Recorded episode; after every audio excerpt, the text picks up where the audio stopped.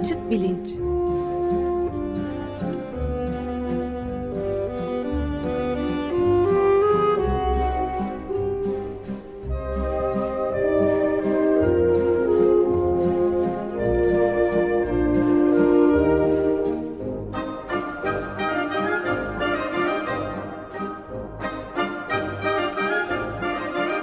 Güven Güzeldere ile bilim ve felsefe sohbetleri. Günaydın Güven Bey, merhabalar. Günaydın Ömer Bey. Günaydın. Günaydın Özdeş. Bugün Açık Bilinç'te panpsişizm konusuna da devam ediyoruz. Konuğumuz da Bilkent Üniversitesi'nden Doktor Tufan Kıymaz. Siz tanıtımını yapar mısınız? Evet, Bilkent Üniversitesi Felsefe Bölümünden Doktor Tufan Kıymaz bugün e, konuğumuz. Hoş geldin Tufan. Hoş bulduk. Merhaba, Merhaba. hoş geldiniz. Merhaba.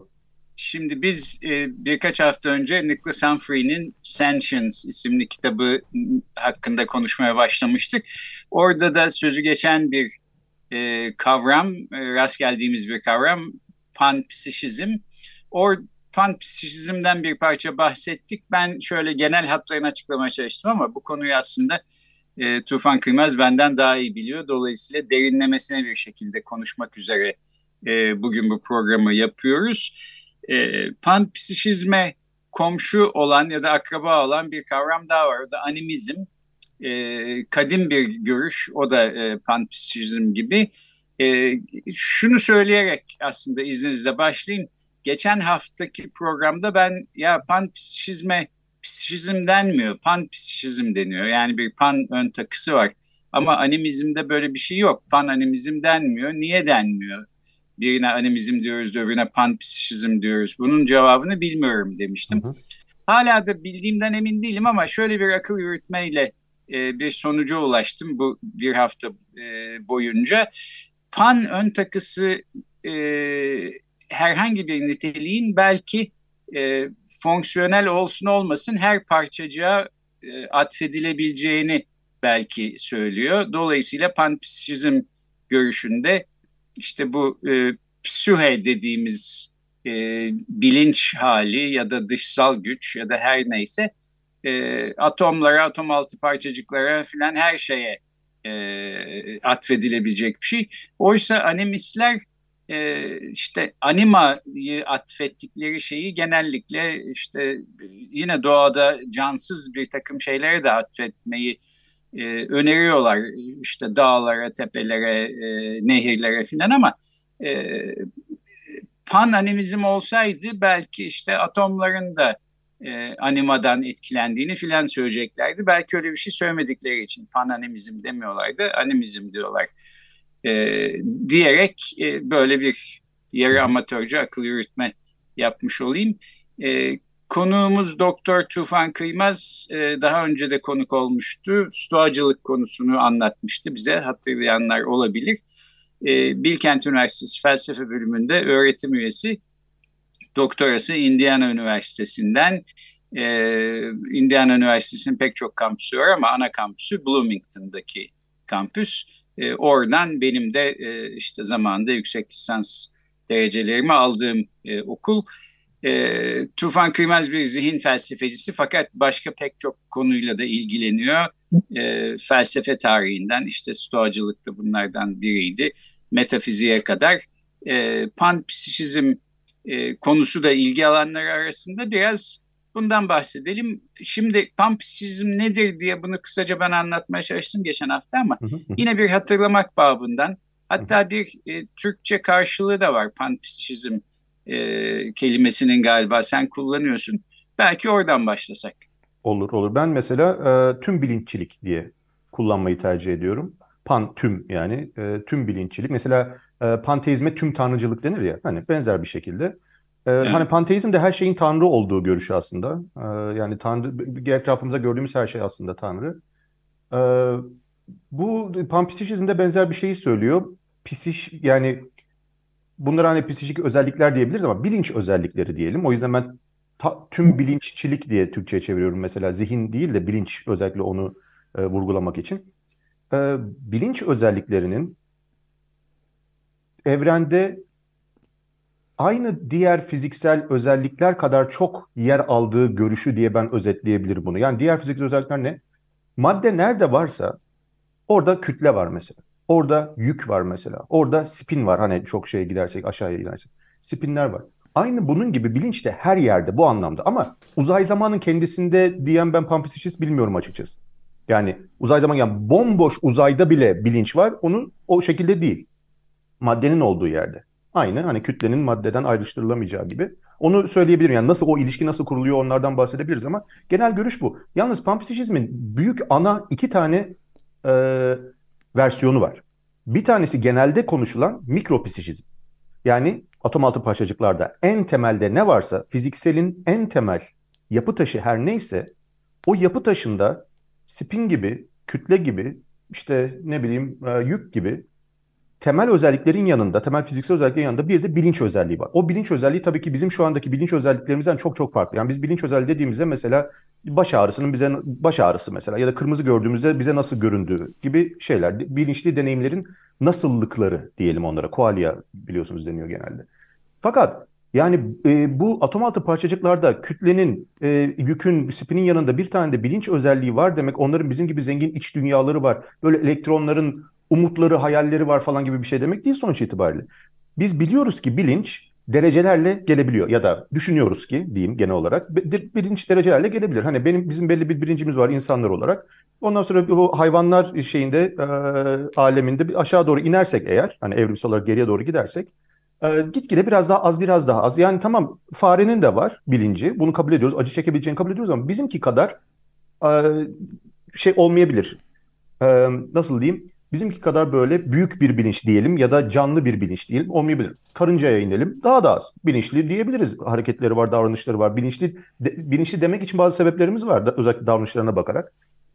Ama daha az. Eğer biz bunu kavramsallaştırabiliyorsak yani bilinç daha canlı, daha az canlı, daha sönük, daha basit, daha karmaşık, daha basit gibi olabiliyorsa o zaman o dereceyi indirelim, indirelim, indirelim, indirelim, indirelim ve bir yerlerde çok çok çok çok düşük Bizim o Thomas Nagel'ın ünlü makalesinde sorduğu yarası olmak nasıl bir şeydir?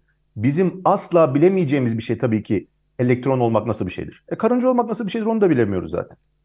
Ama gitgide sönük yani o bilinç demek orada çok aslında bilincin nüvesi gibi bir şey aslında o. Ee, diğer özelliklerin yanında onun da olduğu bu mikropsişizm.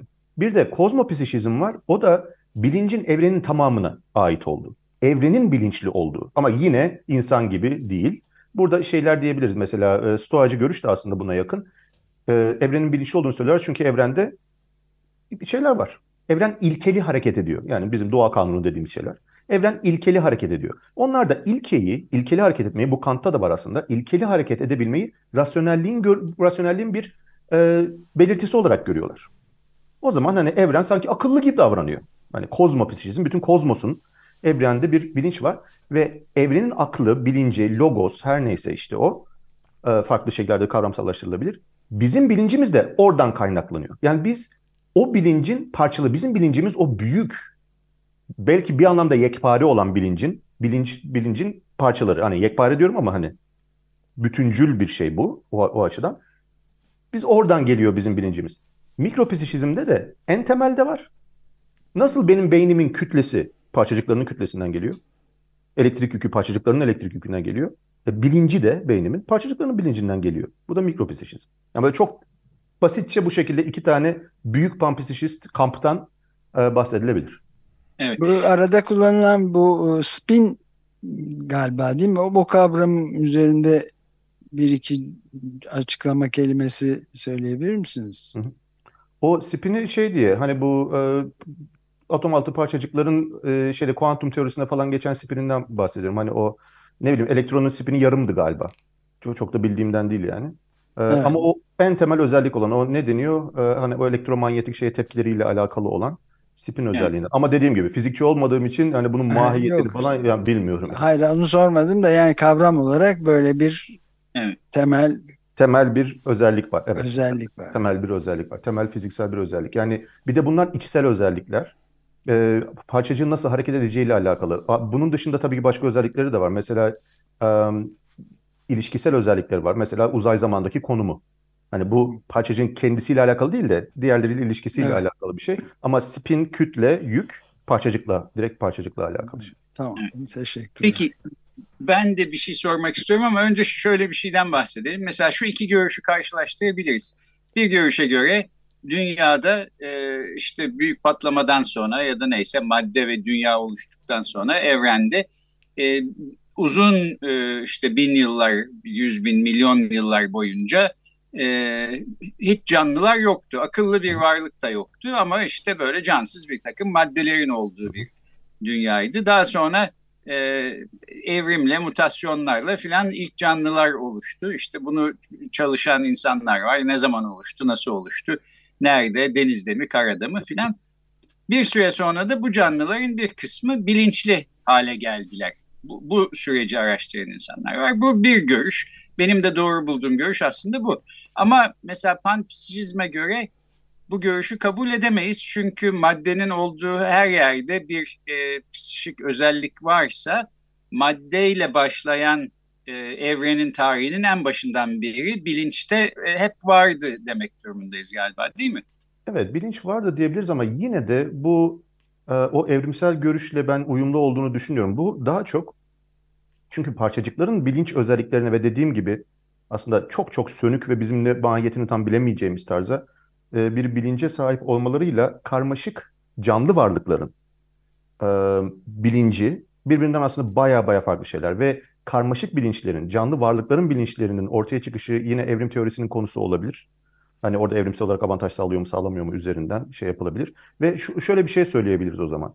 E, aynı atomlar ve moleküller gibi. Hani atomlar vardı önce ondan sonra moleküller oluştu denebileceği gibi benzer şekilde çok çok uzun süre sadece tek bilinç sadece ve sadece fizikselin yani var olanın en e, temelinde yer alan bir şeydi ve parçacıklarda vardı. Daha sonra belli karmaşıklıkta mesela beyinler evrimleştikten sonra o beyinler beyinlerin yapısı, oradaki bilgi işleme şeyi işte oralar sorular zaten hani nasıl oluyor? O kısımlar zaten büyük soru. O ilişkiler içerisinde, o karmaşıklık içerisinde e, parçacıkların bilinç özellikleri birbirleriyle bir şekilde hani etkileşime girerek bir şey oldu orada ve beynin kendisinin bilinci haline geldi. Tek tek parçacıkların ayrı ayrı bilinçleri yerine. Yani bu açıdan hala eğer karmaşık bilinçten bahsediyorsak yani canlı bilincinden bahsediyorsak, organizma bilincinden bahsediyorsak ben evrim e, görüşü hala şey yapılabileceğini düşünüyorum. Pampsicizmle uyumlu bir şekilde ele alınabileceğini düşünüyorum. Evet. Peki teşekkürler. O zaman bir de şunu sorayım. Şimdi e, biz burada felsefe literatüründe yer alan bir soruyu iki felsefeci olarak konuşuyoruz aslında. E, burada mesela bu konuya hiç aşina olmayan birisi diyebilir ki ya bu sorunun ne önemi var? Yani cevabı o olsun ya da bu olsun. E, bu, bu niye önemli? Niye bu konuyu siz e, bu kadar irdeliyorsunuz? Sorulardan biri bu olsun. İkincisi de şöyle bir şey olabilir. Şimdi ben sana geldim dedim ki ya böyle panpsişizm diye bir görüş varmış. Ben bunu hiç ikna edici bulmuyorum ama sen inanıyormuşsun galiba. Hı hı. Beni bir ikna eder misin? Yani ben niye inanayım panpsişizme e, diye sordum. Sen de işte beni çeşitli nedenler göstererek bir argüman vererek falan ikna etmeye çalışıyorsun. Tamam. E, bu konulardan da biraz bahsedebilir Tabii. miyiz? Yani bu psişizm veya panpsişizm tartışması tam nereye oturuyor? Felsefe tamam e, düşünce tarihi içinde de diye sorayım. Tamam, tamam. Şimdi ben sizi ikna edeyim o zaman. Şimdi bir bakalım, elimden geleni yapayım. Bakalım becerebilecek miyiz? Şimdi, e, zihin felsefesinde bu biraz, sizin ben geçen e, bölümünüzü de dinledim. Orada da bahsettiniz. E, daha çok fizikselcilik de tatmin etmiyor bazılarını. ikicilik de tat, ta, tatmin etmiyor. Bir çıkış yolu olarak ne yapabiliriz? Böyle bir çırpınma içerisinde ya bak bunu düşünmemiştik bir de buna bakalım. Yani tarihte aslında bayağı şey var ama hani çağdaş felsefede. Ee, yani biraz şeyden çıkış yolu aramaktan kaynaklı. Bir bu. Yani nereden, niye bir insan bununla ilgilenir? Zihnin ne olduğunu çözmeye çalışırken, zihnin metafiziğini anlamaya çalışırken ben neyim derken acaba bende başka yerlerde bulunmayan bir özellik mi var? Ben bu anlamda diğer kalan evrenin kalanından fiziksel bu şeyden, alemden farklı bir şey var mı bende? Ben özel miyim ontolojik anlamda bu durumda?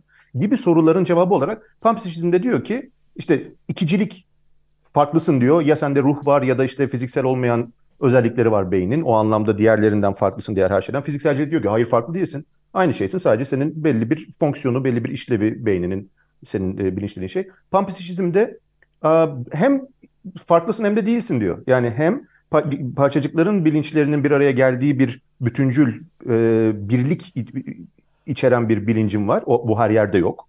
Bu canlılarda var, beyinlerde var. Ama bir yandan da hiç de özel değilsin. Çünkü her yerde bulunan özelliklerden çıkıyor zaten o da. Şimdi peki tamam böyle diyor da hani niye buna inanalım?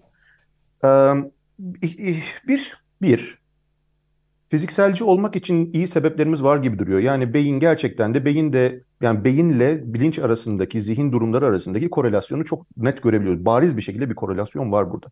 Ve bu korelasyonda aynı zamanda biz bilincimizin bir nedensel rol oynadığını da görebiliyoruz. Yani ben bir şeye inandığım için bir şey yapıyorum. Bir canım acıdığı için başka bir şey yapıyorum. Dondurmanın tadını sevdiğim için gidiyorum, yiyorum ya da yemeye devam ediyorum. Yani bilinç bilinç durumlarımız bizim hareketlerimizi falan açıklıyor. E demek ki ortada bir nedensellik var.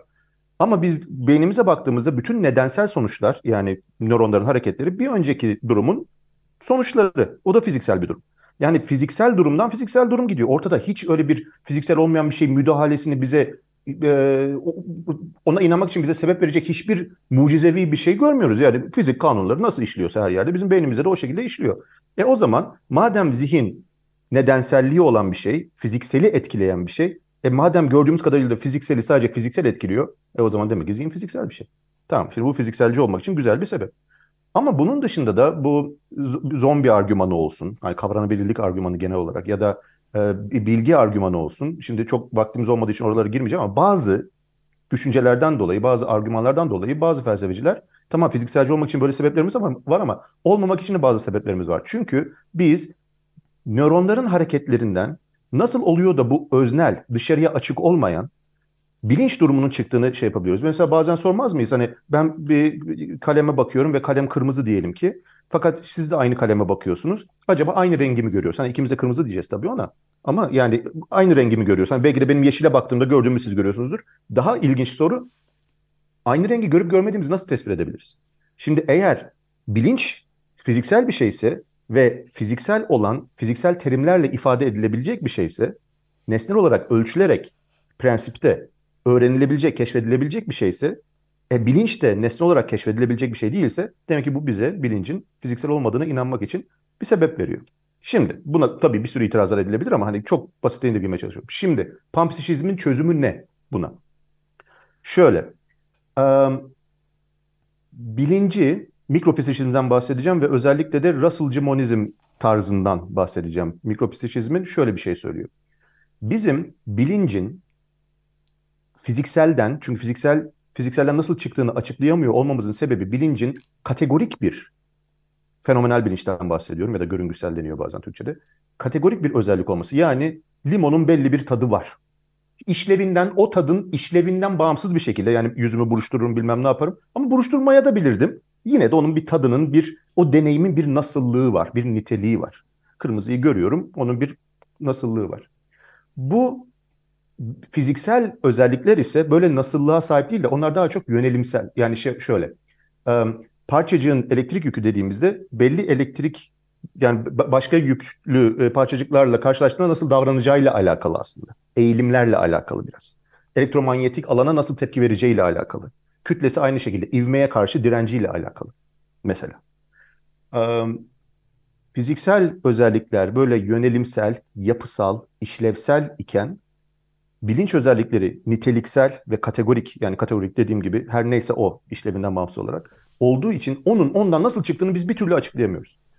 Ama biz bu durumda şeyi de açıklayamıyoruz. Fiziksel özelliklerinin parçacığın fiziksel özelliklerinin temelini de açıklayamıyoruz. Çünkü eğer ben diyorsam ki elimde bir bardak tutuyorum ve bardak düşerse kırılır diyorsam bu bardakta bir yönelim olduğu, eğilim olduğu anlamına geliyor. Kırılganlık olduğu anlamına geliyor. Belli şartlar altında belli şekilde davranacak.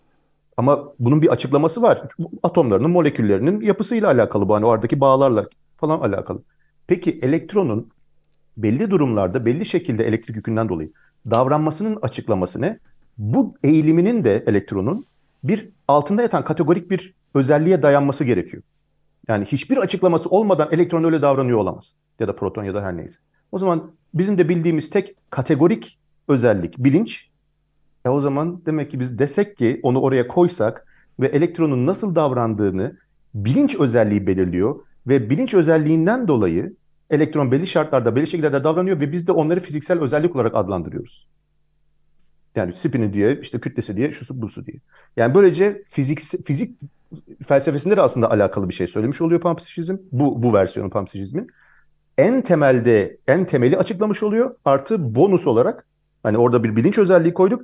Bizim bilinç özelliğimizin de nasıl e, bizim bilincimizin de nasıl bilinçli olmayandan türediğini açıklamaktan ziyade bilinçin her zaman olduğu ve bir araya gelip de bizim bilincimizi oluşturduğu şeklinde biraz daha bir farklı bir yol da denenmiş oluyor. Hani bu o zaman argüman şu oluyor yani bu bu versiyonla panpsişizmin ya burada sanki bir şeyler sanki bu üzerinde düşünmeye değer. Sanki buradan ilerleyebiliriz. Bir bakalım. Burada tabii en büyük sorun e, onu da söyleyeyim. E, parçacıkların bilinçlerinin bir araya gelip de nasıl tek bir bilinç oluşturabileceği. Yani kütlede iyi anlıyoruz. Hani benim parçacıkların kütlesi bir araya gelince topluyoruz çünkü hani. Ama bilinç öyle bir şey değil. Bunu William James'in ilk söylediği şeylerden bir tanesi bu. Mesela şöyle bir şey düşünün. Üç kişiye ben gideyim. Bir tanesine diyeyim ki bugün şey yapıyorum diğerleri duymadan bugün diyorum kulağına. Diğerine diyorum ki hava diyorum. Diğerine diyorum ki yağmurlu. Ondan sonra bunların kafalarını bir araya getirip böyle sıkıştırıyorum böyle ortaya bugün hava yağmurlu diye düşünen bir bilinç çıkar mı? Çıkmaz. Bilinç çünkü öznel. Bilinç dışarıya kapalı bir üçüncü kişi gözünden şey yapılamıyor, erişilemeyen bir şey. O zaman nasıl oluyor da parçacıkların bilinçleri bir araya gelip de tek bir bilinç, benim bilincimi oluşturabiliyor. Bu mikropsişizmin büyük sorunu.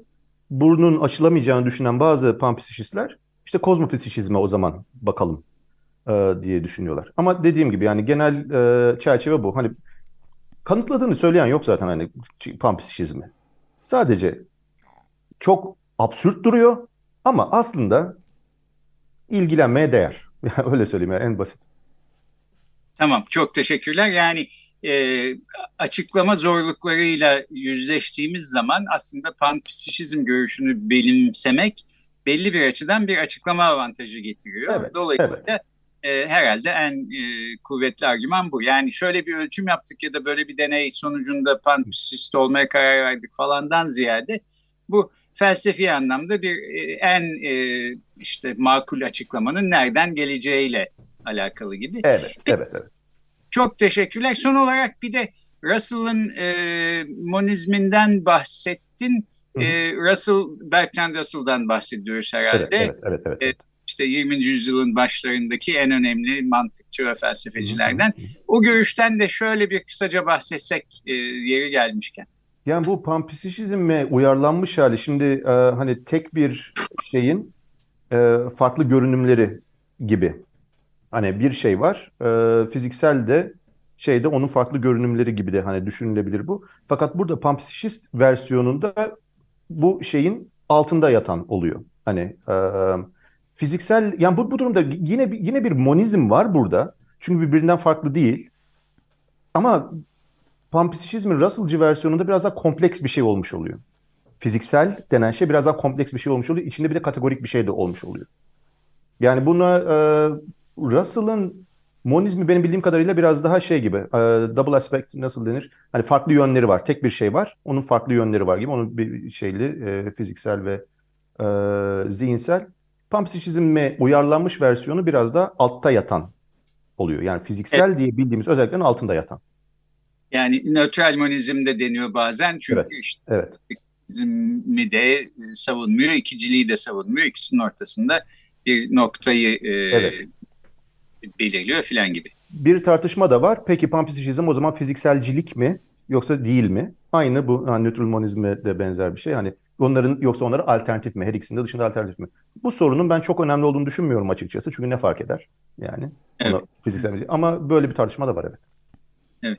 E, şu en son bir de şunu söyleyeyim. Yani evet. zihin felsefesinde hangi görüşün aslında e, baskın olacağı e, belli değil. Bir tartışma belli konusu olarak devam ediyor. E, zaman zaman işte e, pendulum bir yerden öbürüne doğru kayıyor. E, yani benim de doğru bulduğum görüşler var, doğru bulmadığım görüşler var ama herkesi ikna ve tatmin edecek bir görüşü formüle edip yazsam e, ben de rahat edeceğim hem de emekli olacağım yani bu evet, işlerde. Evet. Tabii bu olmuyor. Dolayısıyla evet. böyle bir e, gerginliğin ortasında, böyle bir tansiyonun ortasında kendine e, bir açıklama avantajı sağlayan bir görüş olarak yer buluyor diye anlıyorum. Evet evet ben katılıyorum bu bu tespite evet. Evet galiba süreyi de bitirmek üzereyiz. Hı hı. Evet, e, son bir soru varsa Ömer Bey sizden ya da Özdeş'ten alalım yoksa kapatabiliriz. Benim- benim Hem yok. Benim yok herhalde. Benim de yok yani. Peki İkna, bugün ikna e, ettim yani hepinize ikna ettim. Ben fizikselci oldu. oldum ama. bravo bu kolay bir şey değil her zaman. Ben ona ikna oldum. E, Bugün konuğumuz Bilkent Üniversitesi Felsefe Bölümünden e, öğretim üyesi Doktor Tufan Kıymaz'dı. Panpsişizm görüşünün felsefe tarihi ve düşünce tarihi içindeki yerini ve e, gerekçelendirilmelerini e, bize anlattı. Çok teşekkür ediyoruz Tufan. Ben teşekkür ediyorum.